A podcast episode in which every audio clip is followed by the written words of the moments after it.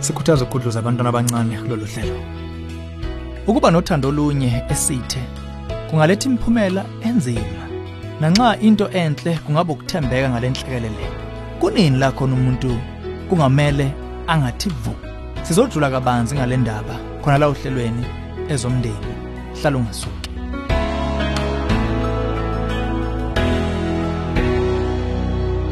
Phinde ngibingelele emlali wami ezomndeni uhlelo ukulethela izeluleko eziphathekayo ngaba ka focus on the family.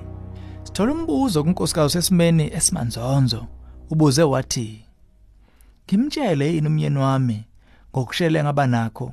Ngagcina ngiye enkonzweni yekamero nomfowabo phambilini? Kunonyaka kwenzeka lokhu. Esikhathini engangibuthaka ngaso. Sobabili naye sabona ku wrong esakwenza. Asabe sisaphinda ukwenza lokho. Imndeni yethu iyabonana futhi isondelene. Akekho kithi osetshelwa kwakhe sibatshele. Angabazeki ngalokho. Useyimpondweni zobhlungu obushoshodayo. Ngale kokwazi kabanzi ngawe nalabo bathintekayo kule nkanankana.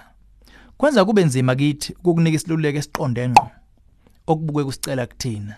Nokho mhlambe singaphakamisa kumbalwa ongakucabanga. Okokuqala udinga ukubuka inhloso. Phambi kokuba utshele wakwakho ngokwenzeka kudingeka uyibuze kuqala kungani kumbe sidingo sini ofuna ukumtshela sona. Ngakube konke kungokuhle kodwa ukufisela umndeni wakho kumbe uyicabangela wena ikakhulu kule ndaba. Umuzwa wecala ngakube yiwo yini okushushayo ukuba ufuna ubayixoxe le ndaba. Ngakube uthembe ukukhululeka kunembeza oyisimbelambele okuhluphayo. Uma kunjalo ngakube ubheke ukuthwala umthwalo ngokuthi uthoyesa amahlombe omunye umuntu uma usukonyulukile mhlawumbe ukubuka ngelinye futhi icala kungenzeka unentshisekelo ezimfihlo ecashile kuwe ukulawula nokulimaza umnyeni wakho ndlana thizeni. Unezatho nazo ofuna ukumjezisa ngazo. Lo mcabango wokugcina usolela kwikhonco lokukhathazeka. Uma ngokuthembeka kwempela uma ubheke emuva uhlela ukumjezisa kumbe ukuphindisela nokumlawula. Ngakho kubale lokho engqondweni. Ngoba lokhu ngokwethu kusengachaza kusenezinye inkinga zomshado. Uhlobo lweinkinga ongaba cishe yilo olwadala ukushelela ngokugana nomfowabo omnyeni wakho kwasekuqaleni. Uma kunjalo kungasiza ukuqaqala ulungise lezo inkinga kuyila kubuka le yomfowabo omnyeni wakho owagcina wenza isenzo naye.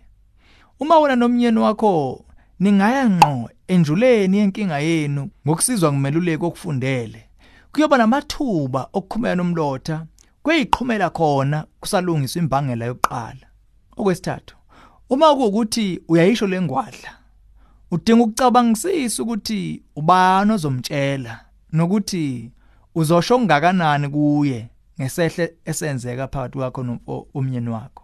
Uma nebala ukhola ukuthi lokhu kungibuhle ngomnyeni wakho ukukuhlambuluka zemshadweni uphile uzodinga ukugonyuluka ngobuciko bomusa ozowuphiwa ukuze ubeke kuphela izinhla ezoba lusizo kuwonke umuntu. Amalanga nangemniningwane adweba isithombe kuze kweqe ngokwenzeka kawasizi. Okwesine cabangisisa ngemiphumela ethe xaxa engokukhipha lesifuba kucabanga ukuthi angeke wena utshele umnyeni wakho uma kuukuthi umfabo omnyeni wakho akakulungile ukutshela unkosikazi wakhe. Yiba nesithombe esivulekile sabantu abakule ndaba. Ingane abazali oanti abashana bonke abawulimala ekuveni kwakho lesifuba zicabangele ngokwakho ukuthi ngamunye wabo uyophendula thini ekuzweni lesehlo. Uma besazi ukuthi ilunga lomndeni wakho ngalinye livuthiwe ngengqondo linesihe nozwelo nobuKristu bekuzoba lula ukusho sithi hlabela phambili. Isho lonke iqiniso njengoba linjalo ungagodli lutho. Ngesho asazi ukuthi bavuthiwe yini. Kuyisho kusho ukuthi kulomhlaba olimele ukuhlobwa ngalolu hlobo kumbe ukushela ngalolu hlobo kuphethiselana ekushozeni kwenhliziyo kuxayeka imndeni ngisho nodlambedla violence ekhaya imbala.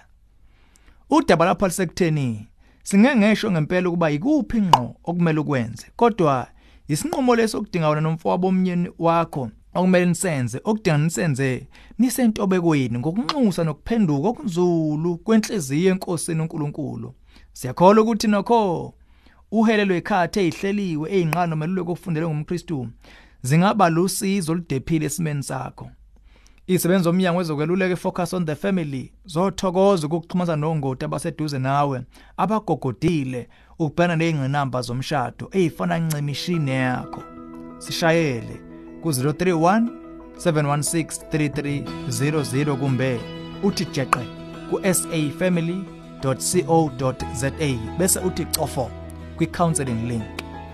Lolu hlelo ezomndeni ulethulelwe yi focus on the family. Sihlangabezwa ohlelweni oluzayo